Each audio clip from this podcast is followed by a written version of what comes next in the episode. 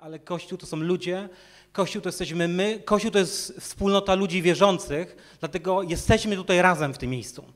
Niezależnie, że jesteśmy w różnych miejscach, tak naprawdę duchowo jesteśmy tutaj razem, aby ogłosić i proklamować od wieków tę samą dobrą nowinę, która ma na imię Jezus Chrystus.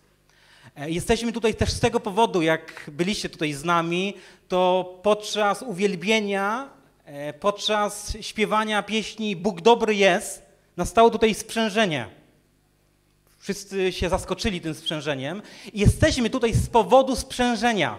Z powodu tego, że Bóg dokonał takiego sprzężenia, Bóg dokonał trzęsienia ziemi 2000 lat temu, zmiany tego, co my nazywamy prawem natury, także Jezus Chrystus, który umarł, zmartwychwstał i żyje, ponieważ nastąpiło sprzężenie w naturze, ponieważ Bóg zatrząsł ziemią, Bóg otworzył Jezusa grób. I dzisiaj z tego powodu tutaj jesteśmy, aby proklamować, że Jezus Chrystus zmartwychwstał i Jezus Chrystus żyje. I kochani, chciałbym, abyśmy wspólnie najpierw przeczytali fragment słowa Ewangelii mm, e, Jana, to jest 20 rozdział i wersety od 19 do 23, które opisują ten dzień, tego co działo się w Kościele w dniu, którym my mówimy i nazywamy Dniem Zmartwychwstania Pana. I czytamy tak. Wieczorem pierwszego dnia tygodnia uczniowie zeszli się razem, lecz w obawie przed Żydami zareglowali drzwi. I wtedy zjawił się Jezus – stanął pośród nich i powiedział: Pokój wam. Po tych słowach pokazał im ręce i bok. Uczniowie uradowali się, że zobaczyli Pana. A Jezus znowu im powiedział: Pokój wam, jak mnie posłał Ojciec, tak i ja posyłam was. Następnie tchnął na nich i powiedział: Weźmijcie mojego ducha. I moi drodzy, to, co jest zaskakujące w tej historii, to jest dzień zmartwychwstania Pana Jezusa Chrystusa. Możemy powiedzieć, że najbardziej radosny dzień w historii tego świata, ponieważ została pokonana śmierć. I wydawałoby się, że Kościół, który miał takie nabożeństwo jak my, powinien być w pełnej ekscytacji, w pełnej radości. Natomiast widzimy tutaj inny obraz Kościoła. Widzimy uczniów, którzy mają nabożeństwo, nabożeństwo pełne obaw, strach i lęku. Widzimy uczniów, którzy są rozbici, którzy są zawiedzeni, ponieważ utracili wszelkie swoje nadzieje, które upatrywali w Mesjaszu. Kiedy Jezus Chrystus został w Wielki Piątek, jak my go nazywamy, ukrzyżowany na krzyżu na Golgocie. I na dodatek tego muszą się teraz martwić, że to, co się stało z Jezusem, czy teraz nie stanie się również z ich życiem. Dlatego, jak czytamy w tej historii, w tym fragmencie, oni spotykają się w ukryciu. Zaregrowują drzwi, aby nikt ich nie widział. I to, co ich wypełnia, to nie wypełnia ich radość, to nie wypełnia ich ekscytacja. To nie wypełniają ich okrzyki głośne Halleluja, Jezus żyje, ale wypełnia ich smutek, obawa, strach, lęk, rozbicie, wewnętrzny paraliż. I to jest pewny paradoks, ponieważ w tym dniu, dniu, w którym Bóg pokonał śmierć, śmierć została pokonana, trzeba uczniów Jezusa zbierać z podłogi ponieważ oni są pełni obaw i są całkowicie zdezorientowani. E, to, co chcę na początku powiedzieć, że taki widzimy obraz Kościoła w dniu niedzieli zmartwychwstania Pana Jezusa Chrystusa. I chcę powiedzieć, że czasami taki obraz widzimy dzisiaj w Kościele. I nie widzimy go tylko w tej teraz sytuacji, która jest na zewnątrz, ale czasami również tak wygląda Kościół dzisiaj. Kościół, w którym my dobrze znamy, co to jest obawa, co to jest lęk, co to jest niemoc, co to jest słabość, co to jest stres, to, co jest chowanie się pod tak zwany, e, swojej głowy pod tak zwany przysłowiowy piasek. Tak dobrze jest nam to znane, czasami o wiele bardziej jest nam to znane niż doświadczenie niczym e, niezachwianej ufności Bogu. Kiedy mówisz, Boże, ufam Tobie i niezależnie od okoliczności, to co będę robił, to będę wypełniał Twoją wolę. I dlaczego tak jest, że okoliczności tak często łatwo wyprowadzają, czy też spychają Kościół e, do narożnika? I powody mogą być różne. Może być tak, że chrześcijaństwo nie wygląda tak, jak myślałeś. E, apostołowie myśleli, że Jezus Chrystus, Mesjasz, że zaprowadzi porządek z Rzymianami, że wykupi Izrael spod okupacji Rzymu, ale jednak tymczasem Jezus poszedł inną drogą. Poszedł drogą na krzyż, poszedł drogą na Golgotę. E, dlatego widzimy w uczniach zawód, widzimy w nich frustrację, widzimy w nich rozbicie. Znamy te słowa, a myśmy się spodziewali. Może jest tak, że spodziewałeś się, że kiedy staniesz się chrześcijaninem, że wszystko w Twoim życiu potoczy się jak z górki.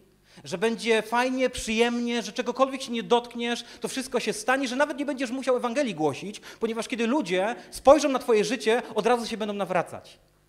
Ale tak nie jest.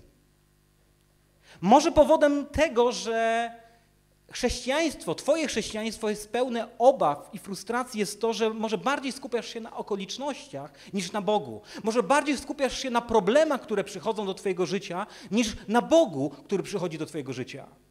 Przykładowo, to co możemy teraz robić jako Kościół, to możemy skupiać się na tym, co jest na zewnątrz. Możemy skupiać się na zarazie, możemy skupiać się na tym, że są nowe zarażenia, możemy skupiać się na tym, w jaki sposób będzie wyglądało nasze życie jutro, pojutrze, jak będą wyglądały nasze finanse, jak będzie wyglądało nasze życie, kiedy przyjdzie ten zapowiadany krach gospodarczy. A możemy skupić się na tym, który ma władzę nad tym wszystkim bo kiedy będziesz się skupiał na tym, co jest na zewnątrz, nie zmieni się nic, co jest na zewnątrz, ale zmieni się wiele w Twoim wnętrzu. Ale kiedy skupisz się na Bogu, to, co jest w Twoim wnętrzu, się zmieni i również skupisz się na tym, który ma moc zmieniać rzeczy, które są również wokół Twojego życia. I kochani, wreszcie może być też tak, że nasze chrześcijaństwo nieraz nie działa, jest coś z nim nie tak, ponieważ nie przyjmujemy Bożego Słowa do naszego życia. Bo zobaczcie, Apostołowie są rozbici, zawiedzeni, wylęknieni, ponieważ Jezus Chrystus został ukrzyżowany. Są tym zaskoczeni. Ale ciekawe jest to, że Pan Jezus im to zapowiadał. Pan Jezus mówił im, uczniom, wiele razy, że idzie drogę, drogą do Jerozolimy, aby tam wiele wycierpieć, aby tam zostać ukrzyżowany, aby tam ponieść śmierć. Ale, im zapowiedział, ale trzeciego dnia z martwych powstanę. I uczniowie to słuchali, ale trochę tak, jakby jednym uchem im weszło, ale drugim uchem wyszło. I czasami jest tak, kochani, z nami. My możemy czytać Boże Słowo, znać Słowo, ale nie przyjmować tego Słowa.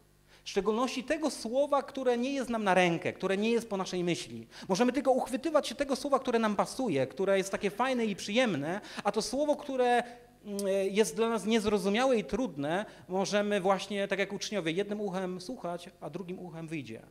I kiedy wówczas przyjdzie czas próby, e, taki czas może jak dzisiaj, teraz doświadczasz, że jest niepewność na zewnątrz, nie wiemy jak i co się stanie teraz, jak sytuacja w tym świecie się potoczy, to zamiast pokoju i wiary w twoim sercu może rodzić się lęk, może rodzić się wewnętrzne rozbicie, niemoc, strach.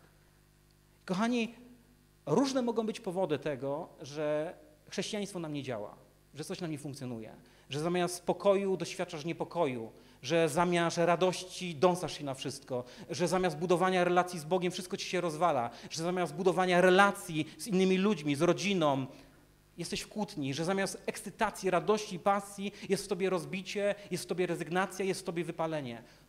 Różne mogą być tego powody. I chcę powiedzieć, że czasami jest też tak, że Chrześcijaństwo po części nieraz tak wygląda, że my doświadczamy takich momentów w naszym życiu. Niektórzy doświadczają takich momentów czasami, być może niektórzy z Was częściej niż czasami. Na pewno przeżywamy nieraz takie chwile. I chcę powiedzieć, że my nieraz mamy takie myślenie o chrześcijaństwie i może byśmy tak chcieli, abyśmy byli podobni jako chrześcijanie do nakręcanych zabawek. Króliczek Duracell. Przychodzisz do kościoła po to, aby cię Pan Bóg nakręcił, i chodzisz naładowany przez cały tydzień, przychodzisz znowu do kościoła po to, aby ci Pan Bóg znowu nakręcił i znowu chodzisz tak naładowany na cały tydzień i tak cały czas, tydzień po tygodniu. Ale okazuje się, że tak nie jest. Okazuje się, że w chrześcijaństwie są takie momenty, y, które my nazywamy momentami przechodzenia przez ciemną dolinę. Momenty obaw, niepewności, jakieś doświadczenia słabości w naszym życiu. I kochani, w chrześcijaństwie są takie rzeczy, są takie momenty, kryzysy, dramaty, e, ale chcę powiedzieć, że w chrześcijaństwie są takie momenty, ale przez te momenty i przez takie doliny my mamy przejść, ale w nich nie pozostać. Bo co innego jest taki moment doświadczyć i przez niego przejść, a co innego jest w tym miejscu pozostać. Ponieważ Biblia mówi, kiedy będę szedł przez ciemną dolinę. Psalmista nie mówi, kiedy będę rozbijał namiot ciemnej dolinie, aby tam pozostać. Dlatego, kochani, kiedy nawet doświadczamy ciemnej doliny i zaskakujących, trudnych momentów w naszym życiu, to one są po to, aby przez nie przejść, ale nie po to, aby w nich pozostać. Ale jak można przejść przez ciemną dolinę? Jak można przejść przez też takie miejsce kryzysu, światowego kryzysu, w jakim jesteśmy teraz? Jak jako Kościół jako chrześcijanie, jak możemy zachować tą właściwą postawę, postawę wiary, ufności i postawę proklamacji, że Jezus Chrystus jest tym, który żyje i ma kontrolę i władzę nad tym wszystkim, co jest wokół. Kochani, to, co widzimy w Ewangelii Jana, w tym fragmencie, który przeczytałem, w opisie niedzieli zmartwychwstania Pana, to widzimy uczniów, którzy są w ciemnej dolinie. Są w ciemnej dolinie utraconych nadziei. Być może jesteś też w takiej ciemnej dolinie dzisiaj. I okazuje się, i to zaskakujące, to, że Jezus Chrystus zmartwychwstał, to wcale niczego nie musi zmieniać. To wcale niczego nie musi zmienić w Twoim życiu. Ponieważ trzeba, i to, co zmienia sytuację w, naszego, w naszym życiu, to jest z Jezusem Chrystusem się spotkać. Tego Jezus może zmartwychwstać, ale bez spotkania z Nim wcale nic nie musi się wydarzyć w nas. I dobrą nowiną, którą dzisiaj głosimy, jest to, że do nas, takich tacy, takich, jaki jesteśmy, przychodzi Pan Jezus. Zobaczcie, Jezus Chrystus w tej historii przychodzi do uczniów. Jezus Chrystus przychodzi do nas. O tym mówi ta historia. Wtedy, kiedy uczniowie są w pewnym rozproszeniu, są w pewnym lęku, w niemocy, w obawach, zamykają drzwi, przeczytajcie razem ze mną. Jan 20, 19. Czytamy, i wtedy zjawił się Jezus i stanął pośród nich. Czyli zobaczcie, pomimo strachu, pomimo obaw uczniów, pomimo tego, że szczelnie zamknęli drzwi, aby nikt nie dowiedział się o ich spotkaniu, aby nikt tam nie wszedł, to pomimo tego Jezus Chrystus przychodzi. Uwaga, oni nie otwierają mu drzwi, aby on tam przyszedł, ale on przychodzi. Może dzisiaj, tam gdzie jesteś, w miejscu, nie masz zamiaru otwierać swoich drzwi, swojego serca dla Jezusa. Może nie masz takiego zamiaru, aby wpuścić Jezusa w takie miejsce do Twojego życia, aby On coś w Twoim życiu zmienił, aby On Ciebie przesunął w życiu w wierze. Ale to, co chcę powiedzieć, i chcę, abyś o tym wiedział, że pomimo tego Jezus Chrystus przyjdzie dzisiaj do Ciebie. I Jezus Chrystus przychodzi dzisiaj do Ciebie. Przychodzi do Ciebie tam, gdzie jesteś. Po co? Zobaczmy. Jezus wszedł we wspólnotę apostołów aby apostołów skupić na sobie. I po co Jezus Chrystus przychodzi do nas, to dokładnie, aby zrobić to samo, aby skupić nas na Nim. Jezus Chrystus przychodzi, aby stać się centrum naszego życia. My potrzebujemy koncentracji dzisiaj szczególnie ale nie tylko dzisiaj, każdego dnia na Chrystusie. My nie potrzebujemy koncentracji to, co dzieje się na zewnątrz, na zarazie. My nie potrzebujemy koncentracji na tym, co analitycy teraz przypuszczają, w jaki sposób potoczy się sytuacja na świecie. My potrzebujemy koncentracji na Jezusie. To jest to, czego potrzebujesz ty i ja. Potrzebujemy, aby Jezus Chrystus był centrum naszego życia. I teraz uwaga, kiedy Jezus jest centrum naszego życia? Kiedy Jezus jest centrum w Kościele i czy Jezus zawsze jest w centrum Kościoła? I znowu ta historia nam pokazuje, że okazuje się, że wcale tak, nie za, że nie zawsze tak jest. Ponieważ, moi drodzy, Pan Jezus jest centrum naszego życia, jest centrum Kościoła, kiedy my jako chrześcijanie Otwieramy nasze oczy na Jezusa, otwieramy nasze zamknięte serca na Jezusa, otwieramy nasze uszy na Jego słowo po to, aby je nie tylko usłyszeć, ale aby to słowo przyjąć, aby o to słowo się zatroszczyć i aby to słowo wykonać. Aby Jezus Chrystus stał się pierwszy w naszych pragnieniach, w naszych celach, w naszych marzeniach, w naszej codzienności, abyśmy wykonywali Jego wolę. To oznacza, że Jezus Chrystus jest w centrum. I my oddaliliśmy się jako Kościół, jako chrześcijanie od tego, że faktycznie Jezus Chrystus jest w centrum naszego życia. I my do tego centrum, w którym jest Jezus, musimy powrócić. I o tym mówi zmartwychwstanie. Ponieważ Zmartwychwstanie nie jest tylko takim świętem, w którym świętujemy, że Jezus pokonał śmierć i zmartwychwstał. I teraz możesz powiedzieć, Jezus zmartwychwstał, takim nie muszę się bać śmierci, ale jak porozmawiasz i pomyślisz szczerze o tym, co tam wewnątrz ciebie jest, okazuje się, że nieraz wcale tak nie jest. Nieraz, jak rozmawiam z chrześcijanami, nie zawsze jest tak, że ktoś nie boi się śmierci. Wiele ludzi ma obawy, pomimo wiary w Jezusa Chrystusa i pomimo wiary w zmartwychwstanie, co będzie, kiedy umrze. Czyli z chrześcijaństwem e, i zmartwychwstaniem nie jest tak, że jest to tylko święto wydarzeń sprzed dwóch tysięcy lat, że Jezus Chrystus pokonał śmierć. Zmartwychwstanie mówi o tym, że Jezus Chrystus zmartwychwstał po to, aby stanąć przed Twoim życiem, aby przyjść do Twojego życia i aby stać się w tym życiu centrum.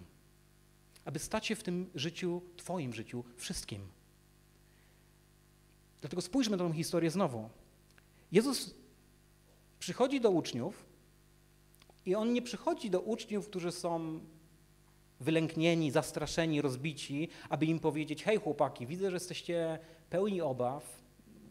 Tyle lat byłem z wami, tyle lat uczyłem was chodzenia przy mnie w wierze, ufności. Nie mówi im: Zawiodłem się na was. My tak nieraz mówimy. Ktoś sobie nie radzi z życiem, masz jakąś ciężką sytuację, nie wiem, czy znasz takie doświadczenie, że ktoś podchodzi do ciebie i mówi do ciebie: Hej, widzę, że masz problem w swoim życiu i sobie nie radzisz z życiem. I tyle, i, i odchodzi. I my nieraz tak się zachowujemy, że nie potrzebujemy tego, aby ktoś nam powiedział, że mamy problem, kiedy my wiemy o tym, że mamy problem. Potrzebujemy roz, rozwiązać ten problem. Potrzebujemy, w jaki sposób mogę wyjść z tego miejsca, w którym jestem. E, I zobaczcie, co robi Jezus. Ponieważ Pan Jezus zachowuje się inaczej niż my. On jest lekarzem. I On nie tylko diagnozuje nasz problem, ale On przychodzi z lekarstwem na ten problem i przychodzi z rozwiązaniem tego problemu. Ponieważ Pan Jezus wchodzi we wspólnotę uczniów, wchodzi w ich strach, wchodzi w ich niemoc, wchodzi w ich rozbicie i mówi do nich: pokój wam. Jezus nie przychodzi do ciebie dzisiaj, aby ci powiedzieć: Oj, nie radzisz sobie z życiem. To chrześcijaństwo nie wygląda tak, jakbym chciał.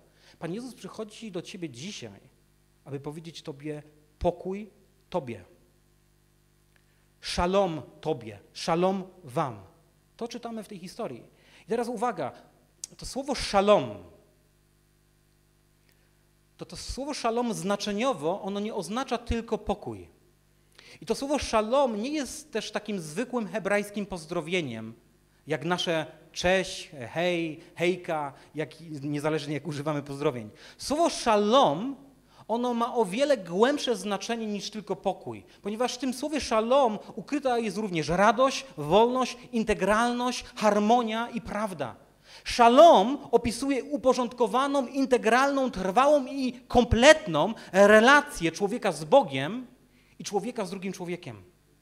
Kochani, szalom w koncepcji żydowskiej mówi o takim rodzaju pokoju, który może przynieść tylko Mesjasz.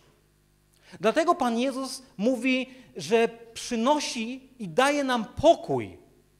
Przynosi i daje nam szalom, który przezwycięża i jest większy od pokoju tego świata i od niepokoju tego świata. Dlatego Pan Jezus mówi, że daje nam pokój. Dlatego Paweł Apostoł, Filipian 4,7 mówi o tym pokoju w taki sposób, że ten pokój jest pokojem, który przewyższa wszelki umysł, który strzeże naszych serc i naszych myśli. Wreszcie dlatego Pan Paweł Apostoł w Efezjan 2,14 mówi, że naszym pokojem jest Jezus. To jest ten rodzaj pokoju. I zobaczcie, przeciwieństwem pokoju, według tego, co teraz mówię, według myśli semickiej, nie jest niepokój, ale przeciwieństwem pokoju jest chaos. Przeciwieństwem pokoju w tej myśli hebrajskiej jest chaos. I zobaczcie, Chrystus jako dobry lekarz, on zna naszą chorobę. On przychodzi do nas, bo wie, że jest nam brak pokoju. Wie, że jest nam brak tej uporządkowanej, trwałej i kompletnej relacji z Bogiem. Wie, że żyjemy w chaosie. I nieraz również jako chrześcijanie żyjemy w chaosie. E, dlatego on nie tylko diagnozuje nasz problem, ale on przychodzi z rozwiązaniem na ten problem, a tym rozwiązaniem jest pokój. Jest On sam, który jest pokojem. I dlatego On sam jedynie ma moc wypełnić nas tym Bożym darem, który jest pokój. I kochani, ten pokój, o którym mówię, Jezusowe szalom, to nie oznacza, że teraz wszystko wokół ciebie będzie dobrze. Wszystko wokół ciebie będzie się układało w taki fantastyczny sposób, że nic złego ciebie nie dotknie, że nic złego się w twoim życiu nie wydarzy, że wszystko cię złe ominie, ale ten pokój oznacza to, że niezależnie od okoliczności, niezależnie co wydarzy się w twoim życiu, co wydarzyło się w twoim życiu, co teraz wydarza się w Twoim życiu, Ty masz ten pokój, mając ten pokój, będziesz w stanie powiedzieć: Panie Boże, ufam Tobie. Jezu, ufam Tobie, ponieważ jesteś we mnie, jest Twój pokój we mnie i niezależnie od okoliczności, ja będę Tobie ufał, bo wiem, że Ty masz kontrolę nad moim życiem i Ty masz władzę nad tym wszystkim, co otacza moje życie. I wiem, że trzymasz mnie w swoim ręku i nic i nikt nie wyrwie mnie z tego ręku. To oznacza pokój. Kochani, dzisiaj jako Kościół my potrzebujemy, bardzo potrzebujemy, usłyszeć od Pana Jezusa słowo pokój Tobie, które usłyszysz, że to słowo jest skierowane do Ciebie. Ty potrzebujesz usłyszeć to słowo, ale również to słowo przyjąć.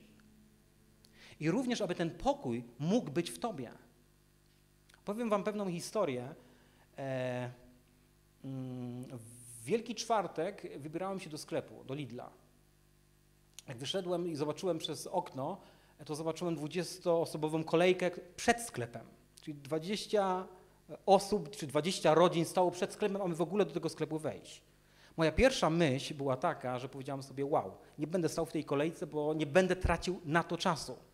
Bardzo szybko skonfrontował mnie z tą myślą Pan Bóg, ponieważ Bóg powiedział do mnie: Radek, ale ty wcale nie musisz tracić czasu okazuje się, że faktycznie nie, to, to myślenie nasze, tracenie czasu jest niewłaściwym myśleniem.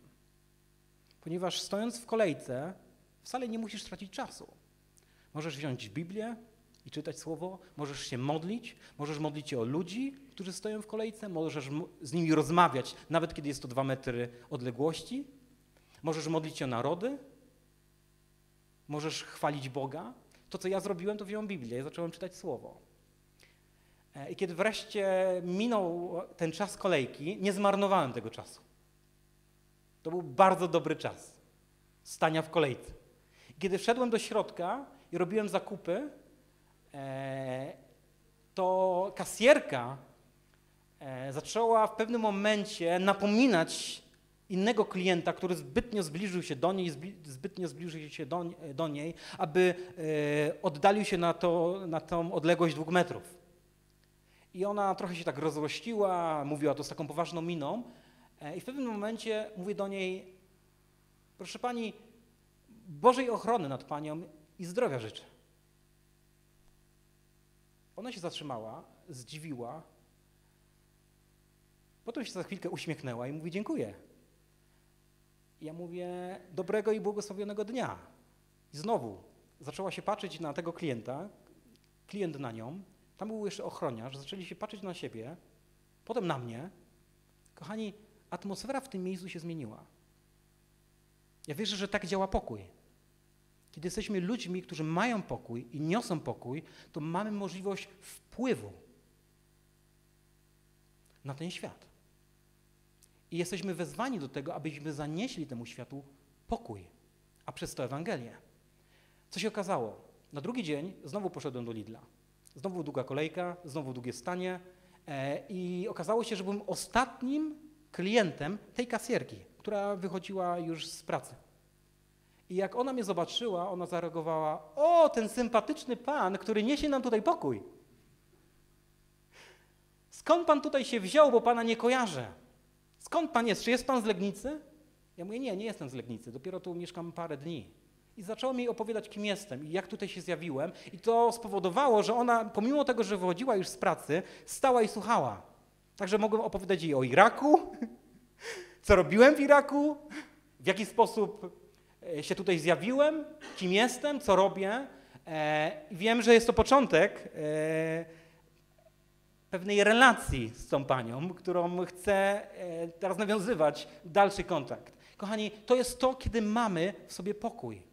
Ludzie będą doświadczać tego pokoju i będą garnąć do tego pokoju. Ponieważ to, czego potrzebują ludzie, to jest właśnie pokój. I kochani, idźmy dalej w tą historię. Po słowie szalom, pokój, Pan Jezus to, co robi, to czytamy, że pokazuje uczniom swoje ręce i swój bok. Pokazuje im ręce, które są przebite gwoździami z Golgoty i pokazuje im bok, który był przebity włócznią. Kochani, możemy sobie zadać takie pytanie, po co po zmartwychwstaniu Panu Jezusowi na Jego ciele to znamie, te rany, po tak okrutnej śmierci jak ukrzyżowanie? Dlaczego Jezus chce, abyśmy zobaczyli te rany i dlaczego Jezus chce, abyśmy się tych ran dotknęli? Posłuchajcie ewangelisty Starego Przymierza, Izajasz 49, 49 rozdział mówi tak. To są słowa Boga.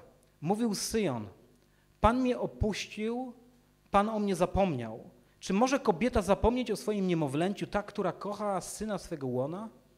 A nawet gdyby ona zapomniała, ja nie zapomnę o Tobie. Oto wyryłem Cię na obu dłoniach. Oto wyryłem Cię na obu dłoniach.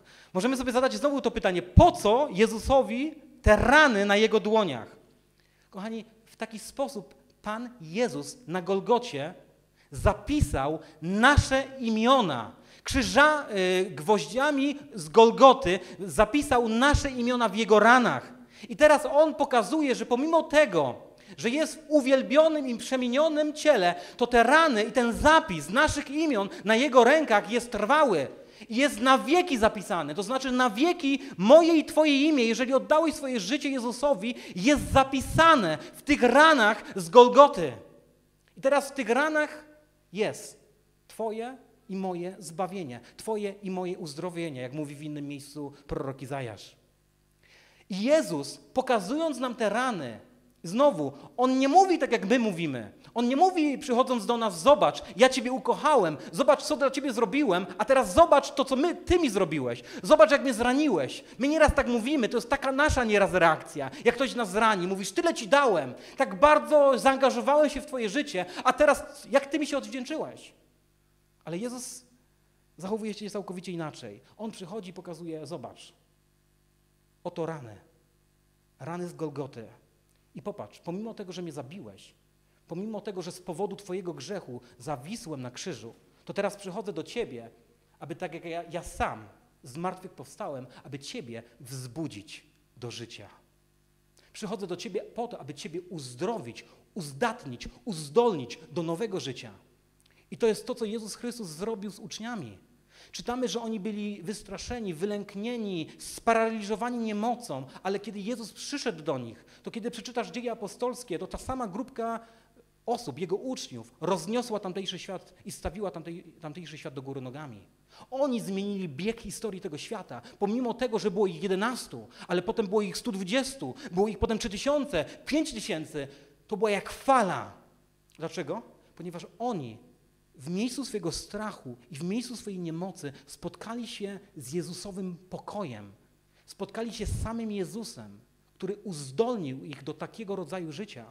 I to, co dzisiaj Jezus chce zrobić, właśnie w tym dniu, właśnie teraz, tam gdzie jesteś, to Ciebie uzdolnić do takiego rodzaju życia, bo o tym mówi chrześcijaństwo. Dlatego my potrzebujemy dzisiaj bardzo świadomy sposób spotkać się z Jezusem Chrystusem. Dlaczego o tym mówię? Możesz powiedzieć, przecież już spotkałem się z Jezusem 20 lat temu, 15, 10, oddałem mu swoje życie, chodzę z nim, Jezus jest moim Panem. Problem jest taki, że my do rzeczy się przyzwyczajamy. I te nasze przyzwyczajanie się do rzeczy często prowadzi nas, że rzeczy nam powszednieją. Powszednieje nam chodzenie do kościoła, powszednieje nam chodzenie do pracy. Nieraz relacje małżeńskie powszednieją i wtedy się rodzą dramaty. Nieraz powszednieje nam bycie chrześcijaninem. Nie wiem, czy znasz takie pojęcie, kiedy ktoś ciebie pyta, jak długo chodzisz z Jezusem Chrystusem, albo to w zależności od środowiska, albo jak dawno się nawróciłeś. Ja czasami spotykam się z takim zdaniem, że ktoś mówi, wiesz, ja to już jestem długoletnim chrześcijaninem. To znaczy, że długo chodzę z Chrystusem. Znasz ten zwrot? Długoletni chrześcijanin? Może ty jesteś długoletnim chrześcijaninem. Tylko problem z tym słowem długoletni jest taki, że w tym słowie jest słowo letni. I co więcej, jest jeszcze inne słowo długo. Długoletni. Być długoletnim. Czujecie to? Jest coś takiego w nas, to jest bardzo dziwny proces, że ludzie, którzy żyją z Bogiem już długo, to przechodzą taki dziwny proces, że wchodzą w pewnego rodzaju letniość. Wiesz, kiedy ktoś się nawraca, jest ktoś pełny ekscytacji, wychodzi na ulicę, chce zanieść Ewangelię na całe miasto, ale potem mijają lata, no i rodzi się ten proces wchodzenia w letniość. I potem znowu, kiedy ty już jesteś takim długoletnim chrześcijaninem i spotykasz takiego młodego człowieka, mówisz, e, przejdzie ci, żonę będziesz miał, dzieci będziesz miał, życie cię nauczy. Znacie to? Może znasz to ze swojego doświadczenia. Kochani, chrześcijaństwo nie jest długoletnością. Chrześcijaństwo jest pasją. Chrześcijaństwo jest radością, chrześcijaństwo jest ożywieniem, chrześcijaństwo, chrześcijaństwo jest ruchem, który niesie ożywienie, który niesie zbawienie. Tym jest chrześcijaństwo. Dlatego dzisiaj potrzebujemy orzeźwiającego, nowego spotkania z Jezusem Chrystusem, który ma moc przenieść nas z tego miejsca długoletniości do nowej pasji, do odrodzenia, do wskrzeszenia nas na nowo, do takiego rodzaju życia, jakie Bóg chce w nas, a nie jakim my żyjemy. I kochani, idźmy dalej. Kiedy uczniowie, czytamy, zobaczyli rany na rękach Jezusa, to czytamy, że oni go w ten sposób rozpoznali. Rozpoznali Jezusa po jego ranach. To jest niesamowity obraz, ale innym razem o nim powiemy. I czytamy, że oni się uradowali. Czytamy, że uczniowie uradowali się, że zobaczyli Pana.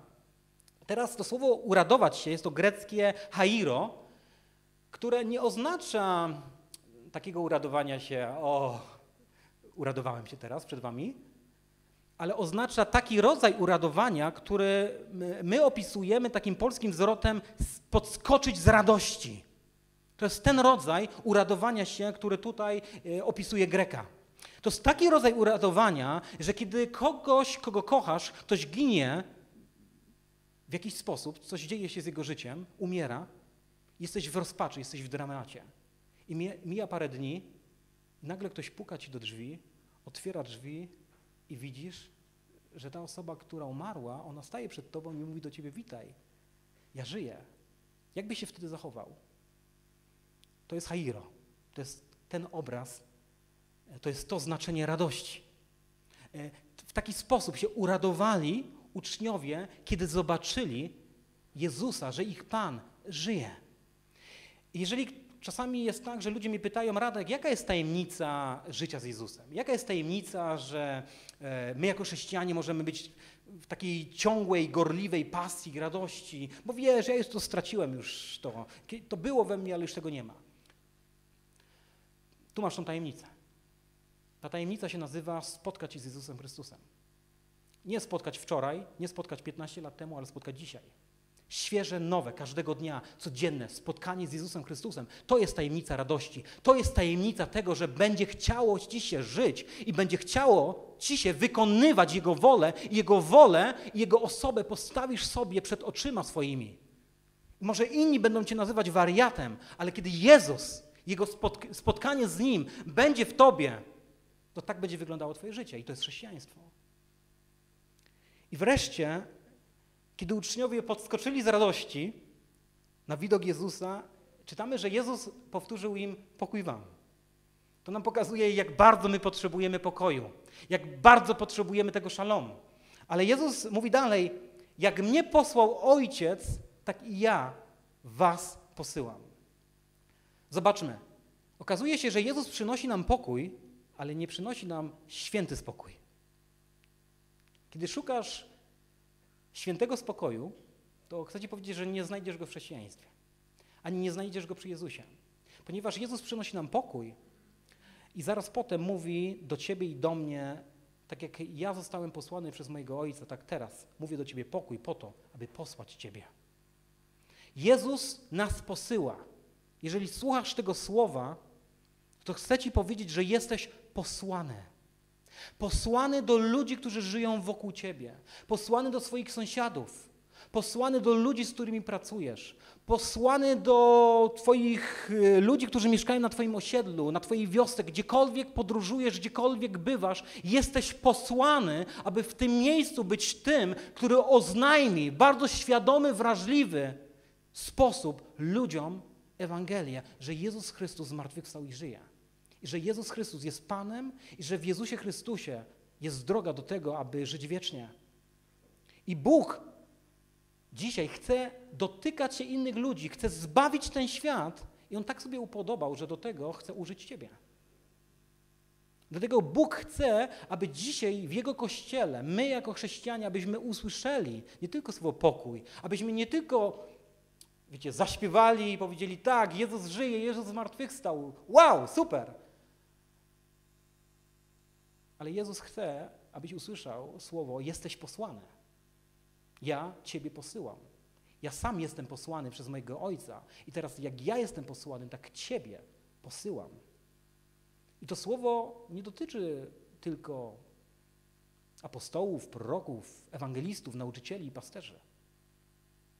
To słowo nie dotyczy tylko jakichś bohaterów w chrześcijaństwie, których oglądamy na YouTubach i Facebookach.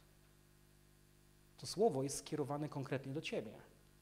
Jezus kieruje słowo Ja Ciebie posyłam dzisiaj do Ciebie. Jesteś posłany. I teraz można przeżyć swoje życie w taki sposób, że zamiast być posłany, możemy się przyglądać życiu innych chrześcijan. Jest modne dzisiaj w świecie tak zwane podglądactwo.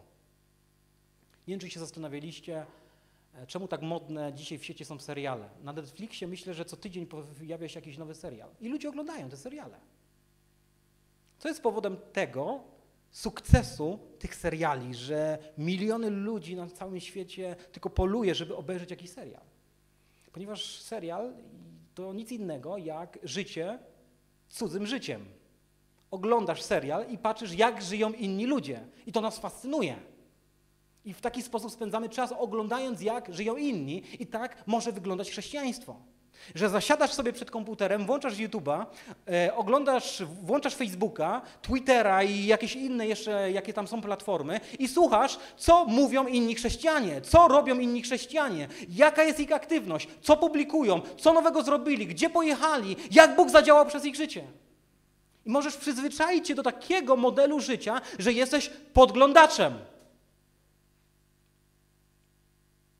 A dzisiaj Jezus przychodzi do ciebie i mówi, że zaprasza ciebie, abyś ty żył swoim życiem z Jezusem Chrystusem, opartym na Jego mocy, na Jego słowie i na Jego ciebie posłaniu do wykonywania woli Bożej w Twoim życiu. Moi drodzy, Jezus tę misję, którą sprawował 2000 lat temu, którą rozpoczął, On chce ją kontynuować i chce ją kontynuować przez Ciebie. Paweł Apostoł, uczeń Jezusa Chrystusa, powiedział tak, 2 Koryntian 5,20 w miejsce Chrystusa to poselstwo sprawujemy. Słyszycie? W miejsce Chrystusa to poselstwo sprawujemy. Czyli tak jak Jezus był tym, który głosił, który kochał, który przebaczał, który uzdrawiał, który wypędzał demony, to dzisiaj w Jego miejsce my jako chrześcijanie jesteśmy wezwani dokładnie, abyśmy robili to samo. I Paweł Apostoł mówi, że w miejsce Chrystusa jesteśmy wezwani, aby wypełnić to samo poselstwo, ale posłuchajcie, co mówi Pan Jezus. Pan Jezus mówi tak, Jan 13:20. To jest niesamowite, jestem podekscytowany, jak to czytam, ale Pan Jezus mówi, kto przyjmuje tego, którego ja poślę, mnie przyjmuje. To oznacza, że jeżeli czytasz to słowo, czy też słuchasz tego słowa, nie tylko słuchasz, ale dajesz się Panu Jezusowi porwać, także jesteś posłany i wypełniasz Jego słowo, to znaczy idziesz i głosisz Ewangelię gdziekolwiek, w Lidlach, na ulicach i gdzie Cię Bóg nie pośle. Jeżeli robisz to i kiedy ktoś Ciebie przyjmuje, to to słowo mówi, że nie Ciebie przyjmuje, ale przyjmuje samego Jezusa Chrystusa. Kiedy ktoś się nawraca, albo kiedy ktoś słucha Ewangelii, słucha słów, które głosisz, to to słowo, Pan Jezus mówi, nie słucha Twoich słów, ale słucha moich słów. Kto przyjmuje tego, kto przyjmuje tego, którego ja poślę, mnie przyjmuje, to jest prawda o tych wszystkich nas, którzy nie tylko jesteśmy słuchaczami Bożego Słowa, ale jesteśmy tego Słowa wykonawcami. Wówczas jesteś nosicielem Chrystusa w tym życiu. Jesteś kontynuatorem Jego dzieła. Jesteś osobą, która objawia Jego osobę temu światu. Ten świat może poznać Jezusa Chrystusa przez Ciebie, ponieważ Jezus objawia się przez życie ludzi, którzy są Mu posłuszni. Dlatego, jeżeli jesteś chrześcijaninem, to Twoje życie może się ograniczyć do tego, że będziesz oglądał, podglądał i ewentualnie oceniał, jak inni służą. To też jest modne, ale to inny temat. Natomiast chcę powiedzieć, że jesteś posłany do tego, czy jesteś powołany do tego, aby być posłany. Nie do oglądactwa, podglądactwa i oceny innych chrześcijan. Ale Bóg dzisiaj przemawia do ciebie. Bóg zbiera dzisiaj swój kościół. I zbiera w różny sposób swój kościół. Dzisiaj tak samo zbiera swój kościół w domach, abyśmy bardzo w osobisty sposób, bardzo głęboki sposób w swoich rodzinach, w swoim sercu usłyszeli to, że On zbiera swój kościół po to, aby ten kościół posłać. I moi drodzy, Jezus kieruje do swojego kościoła bardzo radykalne słowa. On mówi, to jest Jan 14, 21, że jeżeli ktoś mówi, że mnie kocha, to będzie wypełniać moje przykazania. Zobaczcie. Czyli nie chodzi o to, że ty mówisz, Panie Jezu, uwielbiam Ciebie, Panie Jezu, kocham Ciebie, a potem żyjesz jak chcesz. Chodzi o to, że żyjesz takim życiem, które mówi, że Ty kochasz. Ponieważ Jezus Chrystus nie mówi o miłości platonicznej, ale mówi o miłości praktycznej. Spróbuj w swoim małżeństwie powiedzieć swojej żonie: Kocham cię, kochanie, a potem żyć w taki sposób, że zaprzeczy to temu, co mówisz. Bardzo szybko zostaniesz naprostowany. I odwrotnie. Kochani, w miłości się nie mówi, miłość się czyni. I do tego wzywa nas Jezus. Żyj w taki sposób, który pokaże, że mnie kochasz. Bo kto mówi, że mnie kocha, ten będzie wypełniał moje przykazania, ten będzie wypełniał moje wezwania, ten będzie wypełniał moją wolę, moje słowo i będzie kontynuował to, co ja rozpocząłem. I zbliżając się do końca, chcę powiedzieć tak, aby żyć takim życiem, do jakiego wzywa nas Jezus i takim życiem, o jakim teraz mówimy, my potrzebujemy Bożego Ducha, bo nie jesteśmy w stanie zrobić tego same, sami. Dlatego Pan Jezus to, co robi, to daje nam ducha. Czytamy ostatnie zdanie tego fragmentu, który przeczytaliśmy. Czytamy, że następnie Jezus tchnął na swoich uczniów i powiedział do nich: Weźmijcie mojego ducha, weźmijcie ducha świętego. To jest ciekawe, ale to słowo tchnąć pojawia się w Biblii dwa razy. W opisie stworzenia czytamy, że Bóg tchnął Adama i to sprawiło, że Adam ożył. Czyli dzięki temu tchnięciu związanym z stworzeniu my mamy życie, żyjemy fizycznie. I teraz pojawia się drugie tchnięcie. Jezus tchnął na uczniów, Jezus tchnął na nas po to, aby nas ożywić. I tu mówimy o ożywieniu duchowym. To znaczy, bez tego pierwszego tchnienia bylibyśmy prochem fizycznym, tak? a bez tego drugiego tchnienia bylibyśmy duchowym prochem. Dlatego, kochani, chrześcijaństwo bez Ducha Świętego jest jak ciało bez krwi, jest martwe. Jeżeli nie masz Ducha Świętego w sobie, to, o czym mówię, będzie tylko słowem, e, które wywoła w tobie frustrację, wywoła w tobie niemoc. Będziesz niezdatny do tego, aby pójść za tym słowem, które mówi Jezus. Ponieważ Jezus mówi, pójdź za mną, ale jednocześnie daje nam swojego ducha, abyśmy byli zdatni do tego, abyśmy za nim poszli. I czytamy, że Jezus daje nam swojego ducha, ale jednocześnie wzywa nas, weźmijcie mojego ducha. Czyli zobaczcie, Pan Jezus tutaj pokazuje, jest pewna Boża odpowiedzialność, Boże błogosławieństwo, może tak będzie lepiej. Bóg mówi: Dam wam swojego ducha, i Bóg daje nam swojego ducha. To jest fakt. Bóg wylewa na swój kościół swojego ducha świętego. Ale na tym się nie kończy. Jest też nasza odpowiedzialność. Naszą odpowiedzialnością jest sięgnąć, wziąć ducha świętego. Dlatego, jeżeli potrzebujesz ducha świętego w swoim życiu, jest ci go brak, to to słowo mówi: sięgnij po ducha świętego. Chcę powiedzieć więcej. Posiadasz tyle Ducha Świętego w swoim życiu, na ile jesteś gotowy go przyjąć. Dlatego, jeżeli mówisz, że jest ci czegoś brak, że jest ci brak ducha, to nie mówisz, że jest ci brak ducha, ale sięgnij po ducha. Ponieważ kiedy sięgniesz po ducha, to sięgniesz po tego Ducha Świętego, jak czytamy w liście do Rzymian, który wskrzesił Jezusa Chrystusa z martwych. Sięgniesz po tego Ducha Świętego, którym był namaszczony Jezus Chrystus. Sięgniesz po tego Ducha Świętego, w którego mocy działał Jezus Chrystus. Jaki to jest duch? Czytamy, że jest to duch mocy, ale jest to również duch przebaczenia, jest to duch miłości, jest to duch, który spowoduje w Twoim wnętrzu, że powiesz: Nie spocznę, Panie Boże, kiedy nie wykonam Twojej woli dla mojego życia. Nie spocznę, Panie Boże, kiedy nie ogłoszę Ewangelii innym ludziom. Panie Jezu, oto sługa Twój, mów do mnie, ponieważ chcę Ciebie słuchać i chcę wypełnić Twoje słowo. To jest ten duch, który nie pozwoli ci być obojętnym na to, że ludzie idą na zatracenie, nie znając Jezusa Chrystusa, ponieważ ten duch jest duchem, który sprawi, że przejmiesz się tym. Że to będzie całe Twoje życie. Aby być tym, który szuka innych ludzi, który szuka okazji, szuka okoliczności, wykorzystuje okoliczności, aby opowiadać i dzieli cię tym, że Jezus jest prawdziwym Panem, prawdziwym Bogiem. Nie w teorii, ale w Twoim doświadczeniu. Kochani, stajemy tutaj, ja staję tutaj z całą odpowiedzialnością przed Wami, aby powiedzieć, że to życie, o którym mówię, jest możliwe. Możesz mi powiedzieć, hej, hej, nie znasz moich problemów, nie wiesz, z czym się zmagam, nie wiesz, jaką mam sytuację w życiu.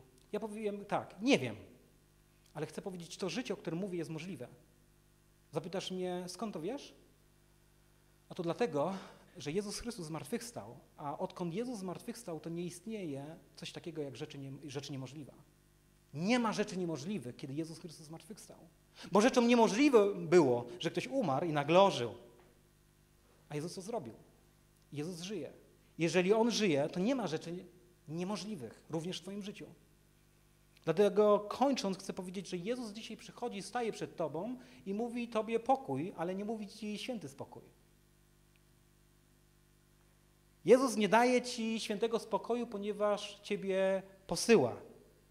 I bycie posłanym oznacza zniweczenie myśli o świętym spokoju. Kochani, Pan Jezus Chrystus przyszedł na ziemię, aby stać się Zbawicielem świata a nas wzywa, abyśmy się stali światłością świata, abyśmy się stali solą tego świata. Nie solą, nie światłem Kościoła, ale światłem tego świata. To znaczy, że Jezus posyła Ciebie i mnie, abyśmy byli światłem w mrokach, światłem w niepewności, w obawach, w panikach, strachach, lękach, niemocach. To jest miejsce, w którym ma stawać Kościół. Dlatego to miejsce, które jest dzisiaj wokół nas, jest fantastycznym miejscem do tego, aby zdać świadectwo, aby świecić, aby solić, ponieważ my mamy misję przekazać temu światu, że Jezus Chrystus żyje, że Jezus Chrystus zmartwychwstał. I oto jest słowo na Wielkanoc. Oto jest słowo na dzień zmartwychwstania Pana Jezusa Chrystusa, a to słowo brzmi: Ja Ciebie posyłam. Pytanie natomiast brzmi, czy dasz się posłać?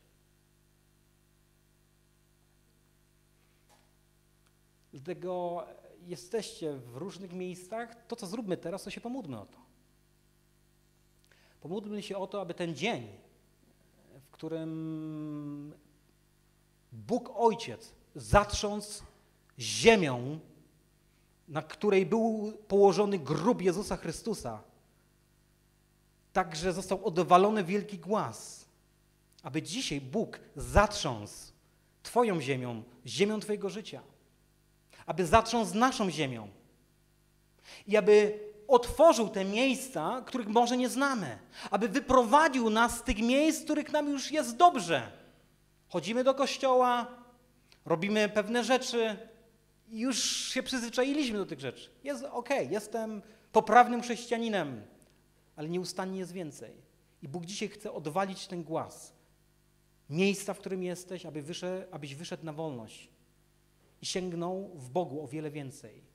Nie mówię tutaj o sukcesie w rozumieniu tego świata, ale mówię o tym, że więcej ludzi pozna Ewangelię przez Twoje usta, przez Twoje zaangażowanie, przez Twoje życie i więcej ludzi ugnie swoje kolana i wyzna, że Jezus jest Panem, ponieważ Ty będziesz tym, który im to ogłosi. Amen? Dlatego, kochany Panie Jezu, chcemy Ci dziękować za to, że Ty żyjesz i Ty z martwych powstałeś. Dziękuję Ci, Ojcze, za to, że Ty jesteś tym, który wzbudziłeś przez Ducha Świętego do życia Jezusa Chrystusa że odwaliłeś ten wielki głaz z grobu Jezusa Chrystusa i że Jezus Chrystus jest tym, który staje dzisiaj przed nami i jest tym, który odwala głazy z naszych grobów, z tych naszych miejsc, paraliży, lęków, niemocy, zgody na byle jakość, zgody na niemoc. I modlę się dzisiaj, Panie Jezu, aby Twoje słowo, aby Twoja osoba, abyś docierał do każdego domu, do każdego serca i odwalał wielkie głazy z naszych serc. I abyś pokazywał, że w Kościele jest o wiele więcej że Ty jesteś tym, który posyła nas, posyła Twój Kościół, posyła nas, abyśmy w odwadze, w mocy, w miłości, wrażliwości, w pokoju byli tymi, którzy niosą tę dobrą nowinę, którą jesteś Ty sam innym ludziom. Abyśmy wykorzystywali Boże okoliczności, a nie wchodzili pod okoliczności. Abyśmy byli tymi, którzy szukają momentów i słyszą Twój szept, Twoje słowo, słowo, które kieruje nas do drugiego człowieka. I modlę się, Boże, aby w tym czasie, w czasie zarazy, w czasie niepokoju, w czasie lęku, aby Twój Kościół powstał, aby Twój Kościół wszedł w miejsce odwagi i w miejscu wyprostowania swojej postawy i wzniesienia swojej głowy ku górze, bo tam jest nasze odkupienie. I abyśmy zanurzyli się, Panie, w Twoje słowo, zanurzyli się w Twoją obecność. I przez to, abyśmy zanurzali innych w Twoją obecność. W obecność Ojca, Syna i Ducha Świętego. Abyś Ty, Boże, dokonywał swój chrzest wielu dzisiaj, którzy spotka się z Tobą i przyjmie ten chrzest nawrócenia. O to wołam, Panie, o to proszę, aby dzisiaj każdy z nas stanął, każdy, kto słucha tych słów, aby w świadomy sposób to słowo usłyszał, to słowo przyjął i to słowo wykonał. Oto jesteśmy, Panie, przed Tobą i mówimy: Jesteśmy posłanymi, chcemy być posłanymi i chcemy wykonać Twoje słowo. Amen.